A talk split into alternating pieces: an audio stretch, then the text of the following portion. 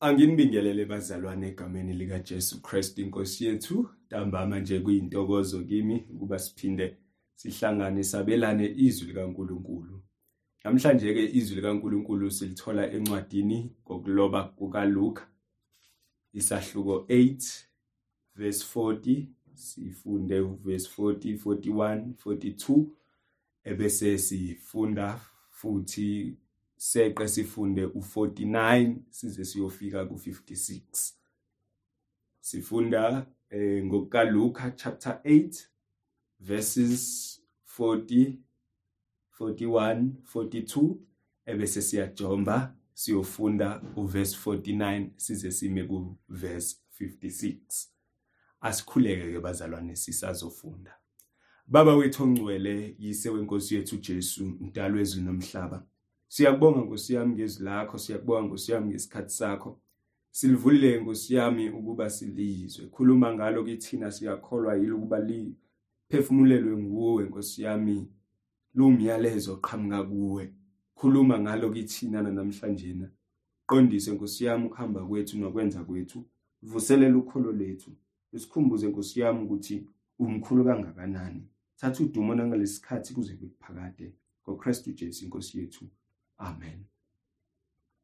Siyafunda ke bazalwane. NgokukaLuka chapter 8 verse 40 ufundeka kanje.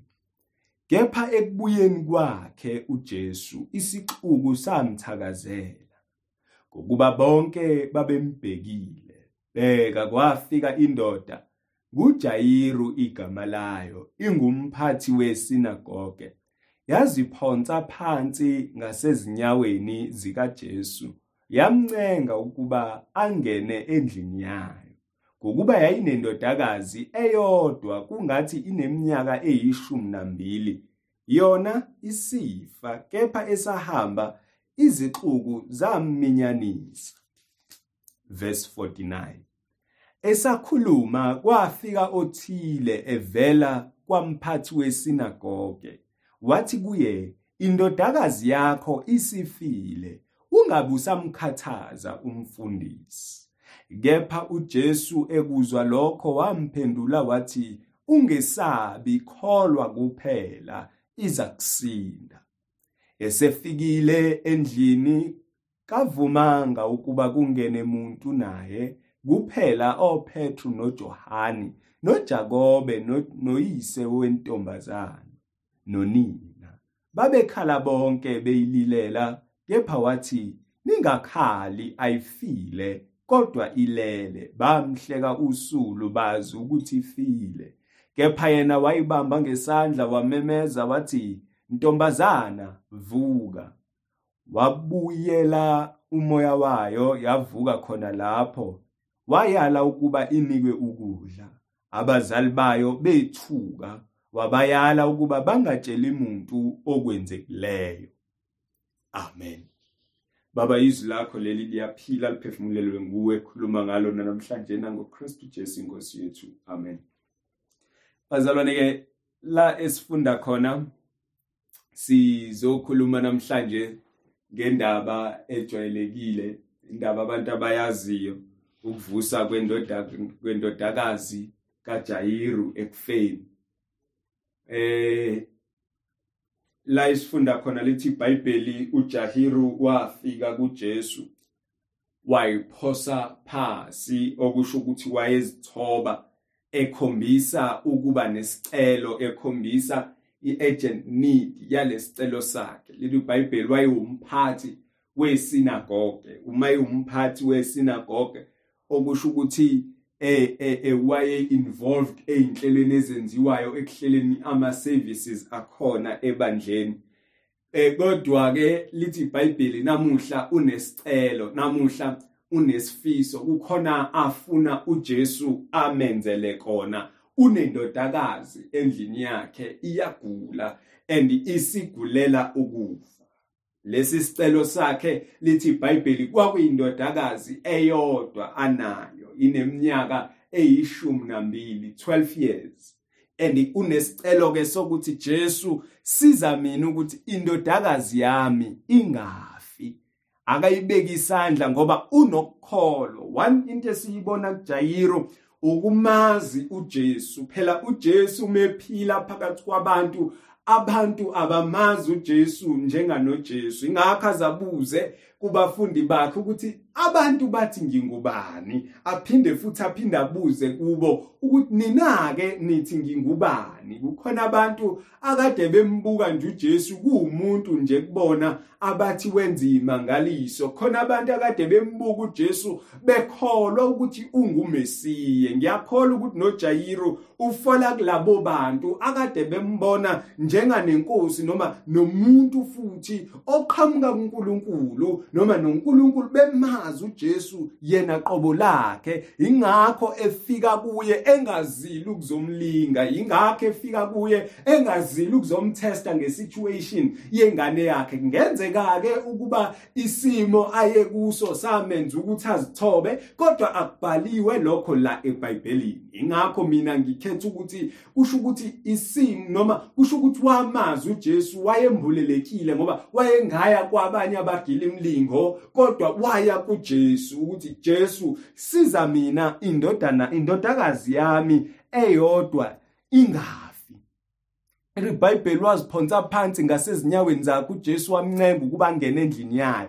Ngokuba wayenendodakazi eyodwa kungathi neminyaka eyishumi nambili yona isifa so ke uyamncenga ukuthi inkosi awukuchezukele kwami endleleni yakho awukuchezukele kwami indodakazi yami iyagula indodakazi yami ayiphilile nombani ke ongumzali? Uyaya kufisela okuhle abantwana bakhe. So lo muntu lona unalesicelo and usicela kumuntu right uyazi ukuthi mangiya kuJesu uJesu unamandla mhlawumbe uke wambona eh noma uke wezwa ngemsebenzi yakhe kulezi kulezi zahluko noma kulezi indima ezingenhla. uJesu ekhipha amadimoni uJesu ethulisa isivunguvungu eh eh noma uJesu ethula izifundiso zakhe. Kodwa ke namuhla simbona ezithoba.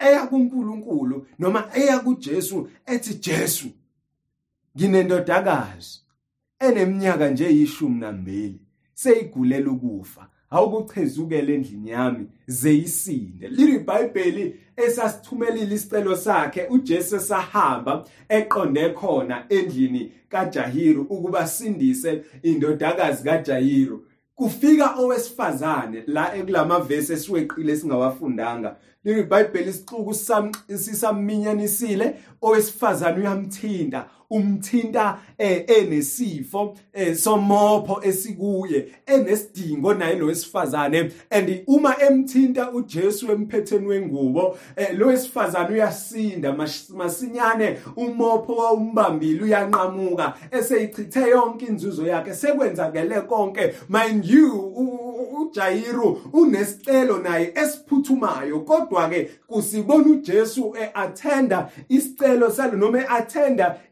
indaba yalo wesifazane manje esiyenzeka. Uthi khona ongithintayo bathi abafundi hayi man Jesu baningi abantu bakuminyanisile baningi abantu usho ukuthini ukuthi ukhona okuthintile? No khona ongithintile ngoba ngampela kunesidingo lo wesifazane uyasondela kuJesu uyaziveza ebona ukuthi akanakufihla uya ethuthumele esaba uziphonsa phansi kwakhe ulanda ukuthi ke kwakwenzakalani noma bengwenzakalani kuyena? Uthi uJesu lalela ke ndodakazi ukukholwa kwakho kukusindisile hamba ube nokuthula. Esakhuluma lawo mazwi uJesu kuqhamuka umbiko oqhamuka endlini kaJahiru. Ayindaba yethu yanamhlanje.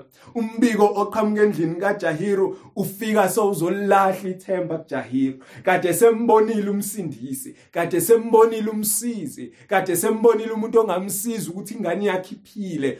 Uthi umbiko oqhamuka endlini ungabisamhlupha umfundisi ungabisamhlupha ungabisakhuluma naye ungabisamncenga ukuthi akaphambukele noma ngathi ubethanda sekulate. Akusekho ukusinda. Umntwana useshonile. Ngiyacabanga uJairo engumuntu. Mhlawumbe ubengabuka athi kodwa hawu Jesu ukuba uzange umnake lo wesifazane. Ngiyacabanga engumuntu uJahiru ukuba uthe kodwa ukuba uJesu ubevede efuna ukuba indodakazi yami isinde ubezophuthuma ukuba ayoyisindisa. Kodwa kusho ukuthi ubengafuni ngoba nakho ukwaze ukunaka ezinye zezinto ezivuka endleleni mina ngimcele eqa ngiyacabanga nje it's just a, a loud thought bazalwane. Akubona okubhalwe la eBhayibhelini engikucabangayo nje kwangenzeka kwakungenzeka amfikele ama-thoughts anjengalawo uJayiru ezwa umbiko oqhamuka nalona ebuka uhambo kodwa nkosi ukube mhlawumbe uhambe straight wangathinta lokhu. Futhi uma ngingalinka lokhu nesimo sanamhlanje na uma ngingalinka lokhu nendlela yethu yokukholwa namhlanje na siyaye kwenzeke bazalwane sikhuleke sibe nezicelo kuNkulunkulu kube nezinto esizifunayo kuNkulunkulu. Sithi inkosi ngicela lokhu okubalekile esikufunayo nesikuswele ngempela okuyisidingo impela ebese uNkulunkulu e, e, e, angasheshi ukusinika. Mhlambe ngingasho kanjalo. Angasheshi ukusinikeza lokho ngokwendlela yakhe esingayazi ukuthi kungani.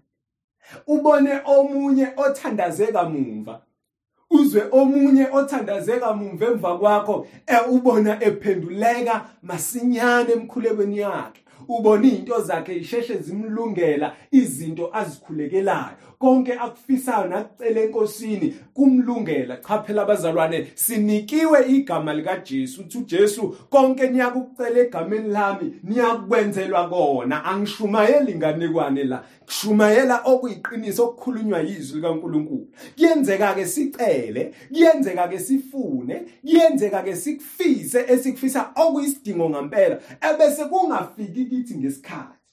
Esicabanga ngaso ukuthi sihle. Size sibe nomona noma size sibuke ngazi ukuthi uNkulunkulu kusho ukuthi akathandi ngoba kuba uthandile ngabe nami usengiphendulile? Nakho sibani bani? Ubaphendulile. And abanye amakholwa angempela ahlala khona kunjalo. Khona kuthenjiswa noma kunikezwa abanye abathandaze ngemuva iphendula imkhuleko yabanye bethandaze ngemuva omunye ahlale azidevote emkhulekweni ebese kuyaqhamuka baqhamuka abanye abayaziyo into ayifunayo baqhamuka abanye abamaziyo ukuthi dale kukhulekela lokhu bese bathi hayibo wena indaba lokhu uqhubeka osibani bani bekhuleka. Ungabisahluphi inkosi. Sivele seyivezile ukuthi ayifuni ukukunika lokhu noma mhlawumbe inkosi ayithandi ukukunikeza lokhu. Ngabe kade yakunikeza enganosibani bani bakhulekile emva kwakho bakuthola kade bekufuna? Wena ubona awuboni ngani ukuthi mhlawumbe akukufanele lokho? But izwi elivela kuJesu engabe zazikhona izindlo kuJayiru noma zazingekho kodwa izwi elivela kuJesu izwi engizolikhuthaza ngala abazalwane abakhulekayo abanesifiso abanxusayo akunento abayifunayo kuNkulunkulu ukuthi ungesabi noma ungesabi kholwa kuphela kuza kwenzeka mhlambe bengingasho kanjalo mina namhlanje na uthi uJesu yena eh, eh, eh kuJahiru ungesabi kholwa kuphela iza kusinda. Ngithi mina ungaphela amandla kholwa kuphela kuza kwenzeka uma uNkulunkulu ehlosile ukwenza uma kusehlelweni kaNkulunkulu it shall be kuza kwenzeka abantu be dumaza. Abantu besuppressa ukholo lakho abantu becindezela eh, eh, eh, isifiso sakho noma lokho okufunayo kuNkulunkulu. Ungadumali ungadikibali ungayeki ukulinda ungasuka endaweni yakho yokulinda. Go deeper in prayer. Thandaza qhubeka unxuse. Uma kusehlelweni likaNkulunkulu kuza kwenzeka. Uyafika umbiko kuJayiru uthi ungasa ufika kahle umbiko ubukeke ngazuthi uJayiru uyamhlupha. Eh kuye kwenzeke kwabanye. Abone ngazuthi cha sengiyamhlupha kuNkulunkulu ngalento engiyithandazelayo. Ingani kade ngithandaza kungenzeki? Ingathi sengiyisidina kumnini imandla onke ngalento engiyenza no!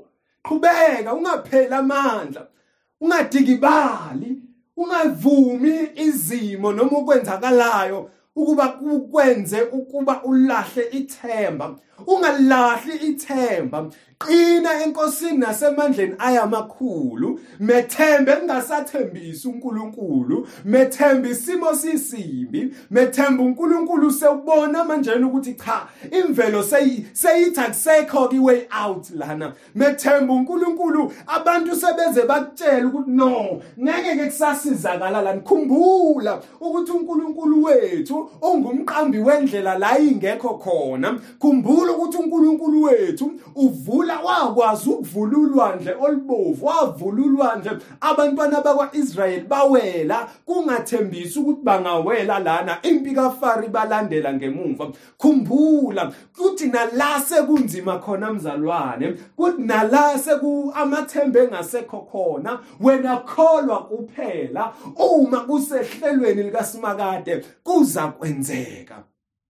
Lithi iBhayibheli uJahiru owayenalesi sicelo wathi mewuzwa umbiko kwaqhamuka umbiko ongcono ovela kuJesu qobo lakhe. Kwaqhamuka umbiko ongcono oqhamuka kuJesu. uJesu uma efika uma ezwa ukushiwo lombiko esakhuluma esathendele methe khona kuthi ungabusamhluphi umfundisi uthi uJesu hey wejayiro kholwa kuphela ungesabi. Ungavumi ukwesaba kulahla ukukholwa kwakho. Ungavumi ukwesaba mntakababa kulahle into oyithembile kangaka. Ungavumi ukwesaba kwakho ungavumi umyalezo osuwuzwile ngesitha ulahle e, e, e, ukukholwa kwakho. Ungavumi umyalezo osuwuzwile namuhla noma kusasa ukuba uvukele ukholwa nomquestione ukukholwa kwakho. Ungesabi kholwa kuphela uza kusinda nawe amazwi avela kuJesu ungesabi kholwa kuphela uza kusinda. And nansi into eyinduduzo nansi into eyinduduzo kuJahiro. Ngiyafisa engathi nanamuhla kusihlwa beyingabe inda induduzo nakubazalwana beyingaba yinduduzo nakumakholwa ukuthi mawukuthi uyakhuleka mawukuthi you are in prayer and kunesidingo esikhulu and ubone ngazuthi uNkulunkulu uthule ungesabi ungesabi. Ungatatazeli qhubeka ukhuleke. Khuluma nebandla mina namhlanje na elibuke ngazuthi uNkulunkulu uthule phezukwesimo esibhekene naso. Khuluma nebandla mina namhlanje na elibuke ngazuthi uNkulunkulu akanaki noma sifa hayi ungesabi. Qhubeka ukhuleke. Hayi ungesabi. Sibabonile abanye bewa. Sibabonile abanye beshiya. Sibabonile abanye kubhlungu befa. Sizwile umyalezo yebo ngeke basavuswa. Kodwa kulikhona usuku elizayo khona isikhathi esizayo lapho ukuhwelela kungaseyi ukuba khona. Ubhalile uIsaya wathi ukuhwelela kuseyi ukuba khona. Kohluphekayo. Hawu nkosi yami ngoba sinikiwe indodana sizalelwe indodana ngoba simnikiwe uJesu simnaye uKristu ungakithi. Nanti izwi lakhe liyasiqinisa lithi singesabi masikholwe kuphela. Nawu umyalezo wanamhlanje phezukwalento eyikhulekelayo phezukwaloko okufunayo phezukwaloko kuyinhloso yethu sonke siyamabandla siyakukhumbula ukuhlanganyela singenamkhawulo siyakukhumbula ukuhlabelela singenamkhawulo siyakukhumbula thokoza phambi kwaNkuluNkulu kungekho mkhawulo siyakhulekela asiphumule singesabi. Qinani enkosini ningesabi ningathuswa okwenzeka eceleni ningathuswa okwenzeka namuhla nakusasa ningesabi. Khulekani ningaphezi. Ngesabi Jahiru.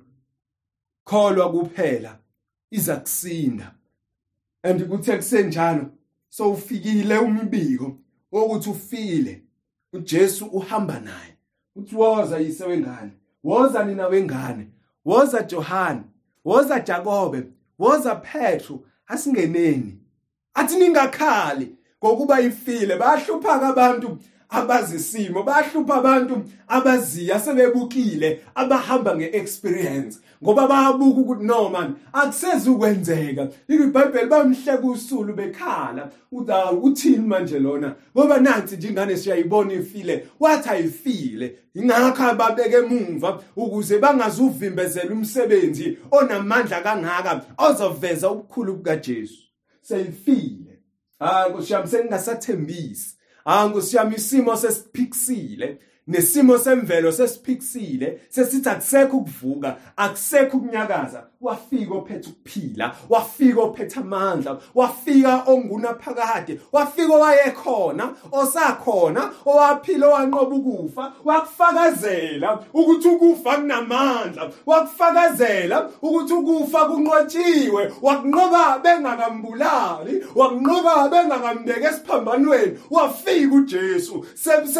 Selingasekho ithemba kujahiro labuyisa ithemba ah uJesu mesefikile uJesu mesekhulumile uJesu mengakithi kubuya ithembe kade selilahlekile kubuya ukukholwa kade sekulahlekile uma sefikile uma khona ukufa kuyahlehla ah nkosi yami izono ziyahlehla ukulahla kuyahlehlwa ah bazalwane lokho esikhulekelwayo masingasabi kodwa masikholwe kuphela kuza kwenzeka ngoJesu ngoba unamandla okwenza lokho. Walinqoba ithuna wambethela bambethela esiphambanweni bamfaka bamngcwabayo esingcwabeni wangcwatshwa kodwa ngosuku lwesithathu wavuka ukumemezela ukuthi ukufa kunamandla wavuka ukumemezela ukuthi yena unamandla phezikokufa yika yekuveza la esaphile esahamba phakathi kwabo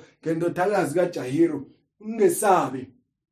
Nawe mntaka baba sisakhonza lo Jesu sakhonza lo Jesu onamandla okwenza lokhu. Sakhonza lo Jesu onamandla okwenza lokhu.